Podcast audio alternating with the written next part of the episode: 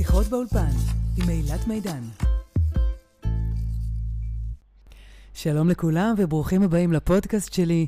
והיום אני מארחת באולפן את רויטל כהן הרפז, תזונאית בגישה הוליסטית, בעלת מטבח בוטיק צמחוני בריא, עובדת סוציאלית ומנחת סדנאות בישול ותזונה בריאה, פשוט לאכול. שלום לך, רויטל. שלום, שלום. איזה כיף להיות פה. והיום אנחנו נדבר על uh, המסע שאת עברת לריפוי היחסים שלך עם הגוף, עם עצמך, על uh, תזונה הוליסטית. על רעב. על רעב. אני לא יודעת מה זה רעב, אני יודעת מה איתך. אז uh, בעצם uh, אולי נתחיל ככה בזה שתספרי לנו uh, איך התחיל הדיאלוג שלך עם הדבר הזה. או-אה. זה בעצם מספר את סיפור חיי, מה שאת כרגע מבקשת ממני לעשות. לאט-לאט אנחנו נעשה את זה. כי זה דיאלוג שהוא משולב uh, בכל הצמתים, בכל החלקים ש, ש, שלי מילדות. Uh, אבל אם אני אקפוץ קדימה הרבה, אני, כי אני חושבת שאחד הדברים שהתחילו באמת להזניק את זה לטובת איזושהי דרך שהיא כבר יותר גם מקצועית וגם מתרגמת ל, ל, לעשייה, אז לבשל התחלתי מתישהו באמצע שנות ה-20 שלי. בכלל בתוך איזשהו מסע כזה של טיול uh, בעולם, uh, ומטבחים שונים, ומקום ככה מאוד uh, הרפתקני ומאוד uh, חווייתי ואחר, אבל זה כמו מרגע שנכנסתי למטבח, לא עזבתי אותו אף פעם. מה שלא עשיתי מאז, תמיד חזרתי למטבח. זאת אומרת, כאילו המטבח נהיה חלק בלתי נפרד ממה שאני עושה, ממי שאני. ואיך בעצם התחלת את הדרך המקצועית שלך בתחום הזה? אני אקדים ואגיד שבאמת הבחירה הראשונה שלי הייתה בכלל במקצועות הטיפול. אני הלכתי ללמוד עבודה סוציאלית. אה, זה היה התואר הראשון שלי מיד אחרי אה, צבא. זה היה לי מאוד מובן מאליו, זה מין המשך מאוד מאוד טבעי, זה היה מאוד מי שאני ומה שאני הולכת לעשות. הבישול קרה אחרי שסיימתי לימודים ואחרי שעזבתי עבודות בתחום של העבודה הסוציאלית. אה, במין רגע כזה של, אני חייבת רגע לעזוב הכל ולהבין מי אני. כי הרגשת שזה לא את בעצם מה שאת עושה? כי הרגשתי שהרבה דברים הרגשתי. הרגשתי שאני גם צעירה מדי למקצוע הזה. פתאום בגיל 24 כבר הייתי בתוך עולמות טיפול כל כך מורכבים, בהתמכרויות, ועם סיפורים מאוד מאוד קשים, והרגשתי שאני לא מוכנה עדיין, שאני לא בשלה עדיין, שמשהו בי עדיין לא... זה באמת חומרים קשים להתמודד איתם בגיל כל כך צעיר. וגם אני חושבת שזה הקול הפנימי הזה, שכל הזמן שם נמצא, שצריך להקשיב לו, שאמר לי, בואי, בואי נצא רגע לעולם, ונראה מה, מה, מה יש לעולם להציע. אז המטבח הג'מייקני, המטבח ההודי, הם הדליקו אותך. לגמרי הג'מייקני וההודי והיפני, ולגמרי, לגמרי. זה כאילו כל מקום שהגעתי אליו במסעות שלי, הכניסה שלי לתוך התרבות, לתוך המקום, ברמה אפילו של היכרות עם המקום, עם המקומיים, הייתה דרך המטבחים. אז לאן הובילה אותך הדרך הזאת כשחזרת מהמסעות שלך בעולם? כשחזרתי, כבר ידעתי שאני עושה shift. לעבודה סוציאלית לא חשבתי שאני אחזור. ספוילר, בסוף חזרתי, אבל אנחנו נגיע לזה אחר כך, אבל... ושוב עזבת לטובת המטבח. אבל uh, כן, אבל uh, כשחזרתי כבר הייתי מאוד, uh, כבר עם סקרנות, להכיר יותר, לדעת יותר, ללמוד יותר את, העולם של המטבח. ואז עבדתי באמת במסעדה פעם ראשונה. נכנסתי לעבוד במסעדה חדשה, איטלקית, והייתה לי שם באמת שנה מרתקת אה, של המון המון למידה, ועבדתי בזה. הייתי ממש, אה, הייתי בפס החם, במטבח, כאילו ממש, אה, וזה היה לי מאוד טבעי. ו- ומשם זה התגלגל, כי נסעתי שוב לחו"ל, וחזרתי שוב. כשחזרתי כבר, גם עבדתי שוב בעוד איזה כמה מטבחים, עד שגם פתחתי קטרינג שלי, שגם איתו הייתה לי חוויות מסעירות במשך כמה שנים. אה, הוא היה קייטרינג צמחוני, ככה אחר, שעשה אירועים בטבע. אז זה גם פתח אותי לעוד חלקים של הפקות. בישלת לסדנאות, לריטריטים, אוכל כאילו צמחוני. בריא. תמיד צמחוני, כי אני צמחונית מגיל מאוד צעיר. אה, ובריא זה קרה בהדרגה. כאילו, זה לא תמיד היה בריא מאוד. אז לימדת את עצמך את הבריא הזה עד שהלכת ללמוד בעצם? אני חושבת שכצמחונית כבר אה, הרגשתי איזושהי מחויבות גם אה, להביא איזה בשורת בריאות, אבל לא עמד מאחורי זה שום ידע או הבנה או משהו שדווקא כשהתחלתי ללמוד uh, תזונה, זה הביא אותי לסגור את הקייטרינג שלי. הלימודים היו כל כך overwhelming, שהמון דברים שעשיתי עד אז, כמו לטגן, כמו uh, לעבוד עם המון מוצרי חלב, ועוד הרבה דברים שעשיתי כבר לא הרגשתי יותר integrity. Mm. אפילו שזה היה קייטרינג עסקי, שלא שם שם על הדגל שלו איזושהי הבטחת בריאות נורא גדולה. אבל זה, אני כבר לא יכולתי לבשל ככה יותר, וזה עשה לי שוב שינוי. כשלמדתי תזונה, אז גם לאט לאט הביא אותי לסגור את הקייטרינג שלי ולהתמקד בלימודים. כן. ולאן זה לקח אותך אחרי שסיימת לימודי תזונה? ברמה האישית זה קודם כל עשה לי פתאום, נתן לי אה, לכמה שנים, זה היה זמני, נתן לי אה, איזושהי חוויה מאוד מאוד חזקה של שליטה והבנה. אה, נתן לי חוקים, נתן לי ידע ש... שהתלבש לי ככה במקומות שהייתי צריכה מאוד מאוד בשביל להכניס איזשהו שקט אה, ואיזשהו סדר על החיים שלי בכל מה שנוגע לתזונה, כי זה נושא מאוד טעון בחיי, זה בעצם מבחינתי שאלת המחקר שלי בחיים האלה, בגלגול הזה. והתמסרתי מאוד, התמסרתי מאוד. לכל מה שלמדתי, ינקתי בשקיקה, ממש, תרתי משמע. זה שינה לי לחלוטין את המטבח שלי, את הבישול שלי, את, ה... את התזונה שלי, והייתי מאוד מאוד מאוד אה, אורתודוקסית. באופן שבו הלכתי עם הדברים, הייתי גם מיסיונרית ממש. כל מי שהיה סביבי זכה לקבל המון המון המון הרצאות והסברים. תקופה שאני זוכרת אותה עם המון המון געגוע קצת אפילו, בנוסטלגיה, תקופה שהרגשתי בה מאוד חזקה. הייתי מאוד uh, בשליטה על החיים, וזה כלי שהיה לי מאוד חשוב. אבל זו גם תקופה שקצת בדיעבד, היום אני יכולה להסתכל אחורה ולראות גם איפה לא הייתי קרובה אליי באמת. הייתי, זה נתן לי משהו להיאחז בו שהוא עדיין לא, לא מדבר איתי, אותי, את mm-hmm. מה אני, לא קשוב אליי. הייתה לי שם הרבה הרבה דרך לעשות. אז במובן הזה, אני תמיד מספרת על התקופה של הלימודים, ואני אומרת שזאת הייתה חוויה משקרת אה, במובן של השיכרון חושיים, כי באמת הייתי בהיי בשנים האלה, אה, מהגילויים החדשים. אה, זה ממש שינה את כל האופן שבו תפסתי אוכל. בכל האספקטים, אגב, גם באספקט האישי, אבל גם באספקטים החברתיים, האקולוגיים, כאילו, היה לזה המון אה, משמעויות. אה, אבל גם, אה, אבל גם משקרת בקוף, גם קצת היה בזה שקר. כי זה יצר דיסוננס בין איפה שאת אה, הרגשת שאת באמת נמצאת מול, ביחסים שלך מול אוכל, מול הגוף שלך, לחלוטין, לבין הידע הזה? לחלוטין. זה דיסוננס שלקח לי הרבה שנים לתמלל אותו לעצמי. זאת אומרת, זו הייתה תחושה ש, שלא נוחה, שהרבה שנים לא ידעתי להסביר אותה לעצמי. כן, לקח לי המון המון זמן להבין שעל אף ה, באמת הערך העצום שהלימודים האלה העניקו לי, ואני ממש אה, מברכת על הלימודים האלה. זאת אומרת, הידע הזה הוא ידע יקר ערך. עד היום אני גם, הוא חלק ממי שאני. אה, לא, לא הפניתי לו גב, לא הלכתי uh, חזרה לבורקסים, אבל, אבל עדיין האופן שבו החומרים הועברו והידע הזה הועבר אליי, ישב על איזושהי שפה שהתיישבה אצלי על uh, פתולוגיה קיימת, של תפיסה מאוד דיכוטומית של דברים. עכשיו, זה היה קצת מכובס, כי הטרמינולוגיה... אסור ומותר, את מתכוונת? אז אין בריא אסור ומותר בנטורופתיה, יש מונחים הרבה יותר רכים, אבל זה טרמינולוגיה. אז נגיד, לא, היה לנו טבלאות כאלה, שלמדנו לבנות תפריט. גם לעצמנו וגם למטופלים. ולכל תפריט מצורפת טבלה. והטבלה הזו מחולקת לשתי עמודות. ולמעלה כתוב מוטב להרבות ומוטב להמעיט. זאת אומרת, אין את המותר והאסור, יש מוטב. וגם להמעיט ולהרבות, לא אסור ומותר. ואצלי, כשכבר הייתה שם את הפתולוגיה הזאת של התפיסה המאוד דיכוטומית של מותר ואסור, מה שהיום אנחנו קוראים שפת הדיאטה, זה התיישב בול על המקום הזה. וזה גם המקום המיסיונרי הזה שכל כך התמסרתי אליו. זה המקום ותחושת ש... השליטה שהשגת. השליטה, וזה mm-hmm. המקום שאני אומרת, שליטה שהיא גם קצת אה, תחושה משקרת, משהו בשגרי קצת. אני בטוחה שיש רבות ורבים וטובים שלמדו את הדברים כמוני, אבל לקחו את זה למקומות אחרים, כי הם לא באו עם הפתולוגיה שאני באתי איתה. אבל היא פתולוגיה שהיא לא רק שלי. אני היום אה, שומעת אותה בהרבה שיחות שאני מקשיבה להן, אצל הרבה אנשים. התפיסה הדיכוטומית של המותר והאסור, של הטוב ורע. אז לאורך תקופה, ממה שאני שומעת ממך, ניסית כל מיני שיטות שלמדת, עקבת אחרי כל מיני אה, מתכוני אה, עשי ואל תעשי של התזונה שלמדת, נכון? וב, ובאיזשהו מקום הרגשת שזה לא עובד לך. עוד לפני התזונה, העיסוק שלי בניסיון אה, לשנות את עצמי, לשנות את הגוף.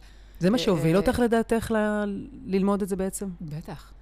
זה כאילו היה מבחינתי באותו, באותו זמן, הבחירה ללמוד תזונה הייתה כמו להשלים לעצמי את הידע שחסר לי. כאילו כבר רכשתי ידע בטיפול וניסיון, וכבר רכשתי ידע בבישול, וכבר... זה היה כמו להשלים לי את, ה, את הידע. אני לא הבנתי אז כמה עוד דרך אחר כך יש לי לעשות. שזה הכל רק הקדמות, זה מבוא לדבר עצמו, שמגיע אחר כך. אז איך זה פגש אותך במציאות? את, את באיזשהו שלב הרגשת שאת משמינה, שאת נשברת נפשית? איך, איך זה התבטא זה שזה פתאום לא עבד לך? זה, זה עבד הרבה שנים. לא הרגשתי שאני במאמץ באותו זמן, אבל זה היה כל הזמן החזקה. משהו באיסוף הזה היה גם החזקה נורא נורא גדולה. אז השפה הפנימית שלי הייתה כזאת שהייתה מאוד מאוד, חיפשה מאוד את השליטה. ואז הכל התלבש לי על המקום של השליטה.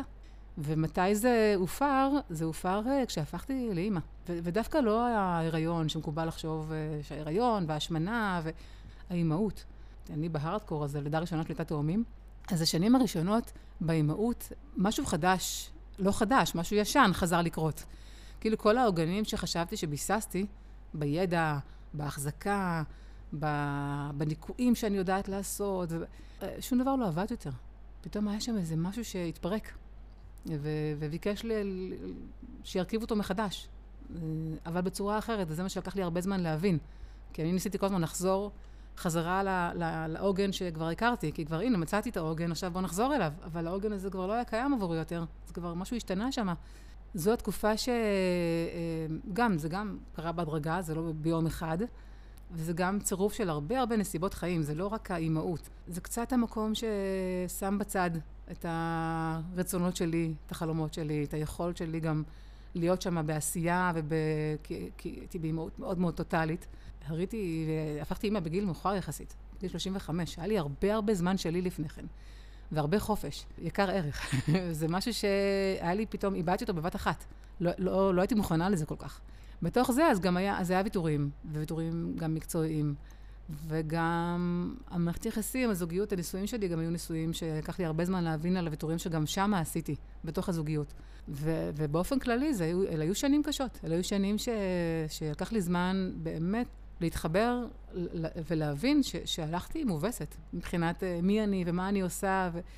ואיך כל זה אה, התבטא במערכת יחסים שלך עם הגוף, עם התזונה שלך? אז uh, אני חושבת ששם זה המקום שבו, כמו שאמרתי, שום דבר לא, לא הצליח לי. uh, חזרתי חזרה לגיל ההתבגרות פתאום, שלא דיברנו עליו, אבל, אבל הוא מאוד מאוד חשוב פה.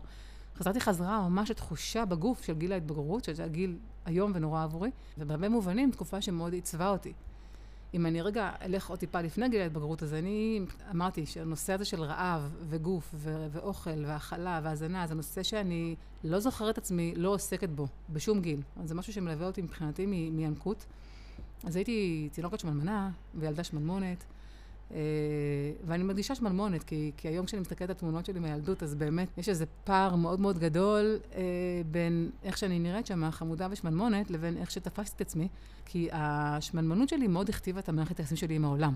בחוויה שלי, כל מה שהתעסקו איתי איתו זה מה אני אוכלת, וכמה אני אוכלת, ולמה אני אוכלת, ואולי אני אפסיק לאכול, והיה שם איזה משהו שמאוד מאוד היה חרד. אצל אימא שלי בעיקר, אני חושבת, אבל זה גם משהו גם חברתית שגם התאימה אז בשנות ה-80, בסוף ה-70. אז, אז כילדה גדלתי כבר להפנים איזושהי תפיסה מאוד מאוד מעוותת, אה, קודם כל על עצמי. הרגשתי גדולה באופן לא נורמלי, מאוד מגושמת בעולם הזה, כאילו ממש כמו פיל בחנות חרסינה, ככה הרגשתי. אה, זה לא היה מותאם בכלל למי שהייתי. וגם הרעב שלי, אה, למדתי שהרעב שלי הוא דבר מאוד מאוד פגום, שהוא לא, לא תקין, שמשהו מאוד לא בריא ברעב שלי. ו- וזה מה שיצר איזושהי תפיסה, את התפיסה שדיברתי עליה קודם, המאוד דיכוטומית, של כאילו, אני טובה כשאני, כשאני לא אוכלת. כשאני לא רעבה. כשאני לא רעבה. ואם אני רעבה, הרעב שלי היה מקור לבושה. ממש, גם, גם לעצמי, אבל גם הרגשתי שאמא שלי מתביישת בי כשאני רעבה. ובגיל ההתבגרות, אני חושבת ששם, קודם כל זה גיל ההתבגרות. לכ, לכולנו, גיל מאוד אה, אה, מאתגר. ו- ואצלי זה כבר באתי לתוך הגיל הזה עם המון, עם תפיסה מאוד מאוד בעייתית ו- ו- וקשה על הגוף שלי ועל עצמי, וגם עברתי לצמחונות בגיל הזה באופן רשמי, שזה משמעותי, כי זה, זה גם תקופה שאף אחד לא ממש ידע, לא אף אחד, אבל הידע לא היה נגיש כל כך. איך להזין בצורה טובה ומלאה, בתזונה שהיא מלאה מהצומח. אז באמת, אני חושבת שבגיל הזה, אני הייתי רעבה כל הזמן, אני הייתי, חייתי על פחמימות. ואני חושבת ששם גם היה המקום הרגשי, שהתהליך הזה שקורה בגיל ההתבגרות, של הפיתוח זהות וכולי, בדיעבד אני מרגישה שזה כאילו בהפוך על הפוך, דווקא החלק הבריא שבי, אה, שידע שזה לא לעניין, כל מה שקורה פה. שזה לא לעניין איך שמדברים אליי פה, או איך שמתייחסים אליי, אה, או לרעב שלי, או לגוף שלי, שעמד כל הזמן לביקורת, כל הזמן. אז החלק הזה מרד, ובהפוך על הפוך, הדרך שלי למרוד הייתה לאכול. אף אחד לא יגיד לי כמה לאכול ומה לאכול. וזו הייתה התקופה שבאמת הפסקתי להיות שמנמנה, והפכתי להיות מאוד מאוד שמנה. ואיך זה מתחבר לך? התחלת לדבר על זה ככה כשדיברנו על התקופה הזאת שאחרי שילדת את התאומים, הזכרת את גיל ההתבגרות, ככה נזרקת אחורה, איך את מחברת את זה לתקופה ההיא? אני חושבת שהאימהות מאוד החזירה בתוכי, גם העירה את הילדה שבי. הרצון הזה להיות אימא טובה לילדים שלי, ולהזין אותם טוב, לא רק להזין אותם באוכל טוב ובריא, אלא בכלל, להזין אותם בתכנים טובים. אה, לגדול בתוך בית שהוא הוא, הוא מזין גם רוחנית וגם רגשית. אני חושבת ששם התעוררה אצלי שוב הילדה. וכשאני איבדתי את כל העוגנים בחוויה שלי, אז, אחרי הלידה, אה, ושום דבר לא עבד לי יותר, אז זה החזיר אותי מאוד לתחושות שלי כמתבגרת של חוסר אונים. הייתי פתאום במין חוויה שהיא כבר לא הייתה בשום הלימה למציאות, כבר הייתי אה, אישה בוגרת, עם המון ידע, גם אשת טיפול, שמבינה דבר או שניים, אה, בתהליכים רגשיים ו- וכולי, וגם, אה, וגם תזונאית, שיודעת דבר או שניים על תזונה, ו- וכל זה כאילו לא, לא, לא עמד לי. אה, כביכול כלים שלא עמדו לרשותי מול עצמי. אני מניחה שזה גם היה מאתגר עבורך, לאור מה שאת מספרת על איך שאת חווית את היחסים עם אימא שלך סביב האוכל בתור ילדה, פתאום להיות אימא לילדים שרוצה לעשות משהו אחר. מצד אחד את תזונאית ואת יודעת איך את רוצה שהם יאכלו, מצד שני את לא רוצה לעשות להם את מה שעשו לך. מאוד. זה משימת חיים עד היום, אגב. זה, זה בטח. אה, זה כל הזמן למצוא את ה... לדייק את הדרך. שמצד אחד להנחיל להם, או להדגים להם, או לייצג להם אה, תזונה שהיא, שהיא, שהיא אינטליגנטית, שהיא מחוברת, שהיא מבינה, שהיא, אה, שהיא בריאה, וגם לתת מקום לכל החשקים והרצונות, ו, ו, וגם להבין שאנחנו לא חיים פה על איזה הר מבודד בטיבט, ויש מקום להכל. ולאפשר הכל, אה, ולא לדאוג כשיש פתאום איזה חוסר איזון, כשהילדה אוכלת מלא ממתקים ומפסיקה לאכול ירקות, להיות שם כל הזמן במקום קשוב, שלא מנסה להחזיר אותם חזרה כל פעם לאיזשהו תלם, אלא נמצא איתם בדרך. אני אגיד שלימים, כשהתחלתי להרגיש כמה עומס יש לי בחיים על, ה, על תזונה, על האוכל שאני אוכלת. אה, פעם כתבתי, קראתי באיזה מחברת, שכתבתי פעם מזמן, לפני כמה שנים, שאני, שאם אני צריכה להמחיש לעצמי כמה עומס אני מחזיקה על הנושא הזה, אז, אז 80 אחוז. כאילו 80 אחוז מהזמן שלי בעולם, וואו. היה, היה, היה ממוקד ב, ברגשות אשם וביקורת ושיפוט, בבלבול וחוסר אונים, ותחושות מאוד מאוד קשות שקשורות ל... לאוכל. אני מניחה שהרגשת את זה גם בזה שאני בעצם אמורה לבוא וללוות אתכם בתהליך שלכם, כשאתם מסתכלים עליי ואתם אומרים, רגע, אבל אני רוצה להיות רזת. הרבה אנשים באים לתהליך אלייך בשביל זה. כן, זה נמצא שם. אנחנו מצפים לראות אה, אה, תזונאית רזה. כן. אני חושבת שהרבה ממי שהגיעו אליי לא החזיקו לי את זה כמו שהחזקתי את זה לעצמי. את הצורך הזה להידמות. כן. ל, לאידיאל הזה, ל... או איך הם מצפים שאני אהיה. כן, הרבה יותר ממה, ש, ממה שאנשים שבאו אליי ציפו ממני. זה, מעניין. כי התהליכים היו נהדרים. זה, זה, זה, בסוף זה אני מול עצמי. אבל זה בסוף הביא אותך כן להחליט ש, שאת הולכת לכיוון של אה, ניתוח, נכון? הרבה בנות שוקלות את זה, אני חושבת שזה נורא משמעותי אם תספרי על זה אני, קצת. אני אשמח מאוד לספר על זה. הניתוח זה באמת, אה, קודם כל ניתוח יצור קיבה, בוא נאמר את זה. הרבה הרבה שנים הלכתי עם הדיסוננס המאוד מאוד מאוד אכזרי הזה, שמחזיק בצד אחד את החכמה שיודעת, שעשתה דרך, שמבינה, אה, ומצד שני, מחזיק את התמונה הזאת של האידיאל הזה, שאני לא מתקרבת אליו. שנים אני מחזיקה בארון את כל הבגדים מהתקופה המאוד קצרה שלי, אגב, שהייתה התקופה הסופה והרזה, וה... וכאילו זה נשאר, אה, זה משהו שצריך לחזור אליו יום אחד. זה כל הזמן היה מין יעד כזה שאני לא מגיעה אליו. וזה כל הזמן היה להיות ב, ב, בדיסוננס. זה גם לפקפק ב, בידע שלי. זה בעצם, כן. זה להמשיך לעשות לעצמי את מה שכילדה אה, חוויתי.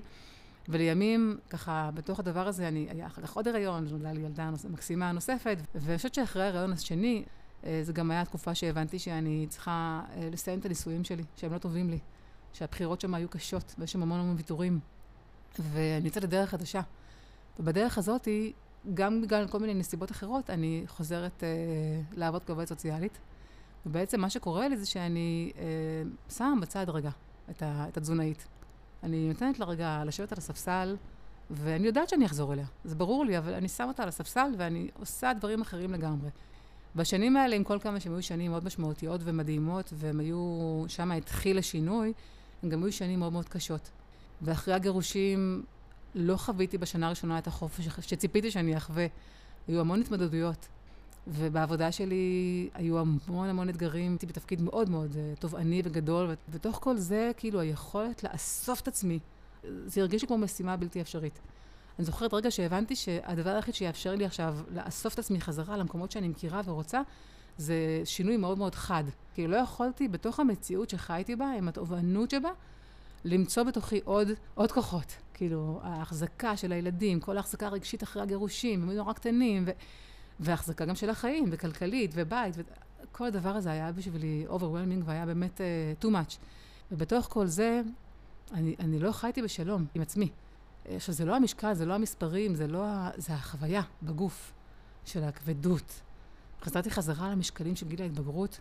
לא האמנתי אי פעם שאני אחזור לשם יותר, חשבתי שזה כבר מאחוריי, וזה חזר פתאום.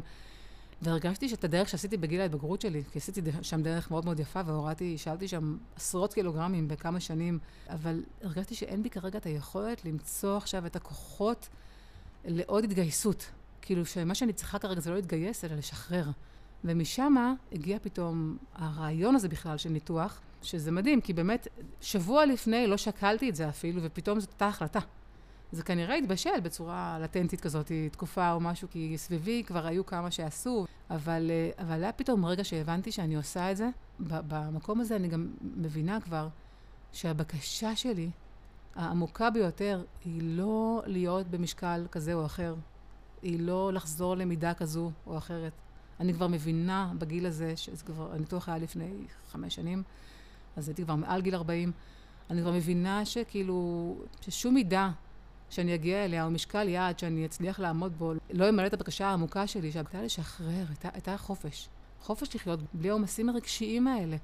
לשחרר את האכילה שלי, לסמוך על עצמי. וזה נתן לך את כל הדברים האלה? וזה נתן לי את כל הדברים האלה. אה, אני אגיד שחוויתי ביקורת נורא נורא גדולה על ההחלטה הזאת מהסביבה שלי. היה בזה משהו שכביכול היה, היה מאוד צורם למי שאני או לאג'נדה שהובלתי, אבל אני הגעתי לזה מאוד שלמה. הגעתי לזה גם אחרי כבר uh, תקופה של עבודה רגשית מאוד מאוד עמוקה שעשיתי סביב uh, המערכת היחסים שלי עם, עם הגוף. הרגשתי שאני מגיעה עם כל הכלים בשביל להצליח. וכן, הניתוח הזה היה עבורי uh, ריסטארט מאוד מאוד משמעותי. הוא, הוא פשוט נתן לי שקט וחופש. הרבה ש... נשים מרגישות שזה עובד להן לתקופה, ואחר כך הן חוזרות להרגלים שלהן, נכון? אז עשית כאן גם איזשהו שינוי אז זהו, אני חושבת שזה... לזה? כן, אני חושבת שהמוכנות לזה היא מאוד חשובה. כי כמו שאמרת, זה נכון, כשעושים ניתוח קיצור קיבה, אז התוצאות הן אה, מאוד מאוד מובהקות בשנה הראשונה, ואם אנחנו לא משנים תפיסה, אם אנחנו לא לומדים להתבונן בשפה הפנימית שלנו, בדיאלוג שלנו עם עצמנו, אם הדיאלוג שלנו ממשיך להיות דיאלוג כוחני, שמציב לעצמנו כל הזמן מטרות שהן מחוצה לנו, ולא בהקשבה. אם אנחנו באים לחולל שינויים שהם לא ממקום אה, של אהבה לעצמי ורצון להיטיב עם עצמי, אלא מתוך איזשהו רצון להשיג איזה יעד או לעמוד באיזה מטרה, אז זה לא עובד. מי שלא למד להקשיב לרעב העמוק שלו. אולי תגידי כמה מילים על, על האספקט הרגשי ש, שאת גילית על עצמך, שבעצם למה את רעבה? אני תמיד פותחת המון הרצאות שלי או שיחות שלי עם אנשים אה, בלהזכיר לנו את הדבר המובן מאליו, שהדבר הראשון שפגשנו בעולם הזה כשיצאנו מהרחם היה ציצי של אימא. וההנקה ברגע הזה, הראשוני, מילאה המון המון תפקידים. הזנה, תקשורת, וביטחון, ותחושת מוגנות, קרקוע, מערכת חיסון, הרבה דברים. אני מרגישה צורך לציין פה עבור נשים שלא העניקו מסיבות כאלו או אחרות, ש... הדבר הראשוני שתינוק פוגש זה את אימא. שמאכילה אותו. תודה על זה. אולי ניתן כותרת יותר רחבה לדבר הזה. בתור אחת שגם התקשתה מאוד בהנקה, אני עוד יותר מודה לך על זה. כן, כי זה כן, באמת לא, לא קשור רק לציצי שלנו, אלא לאימא שמאכילה אותי.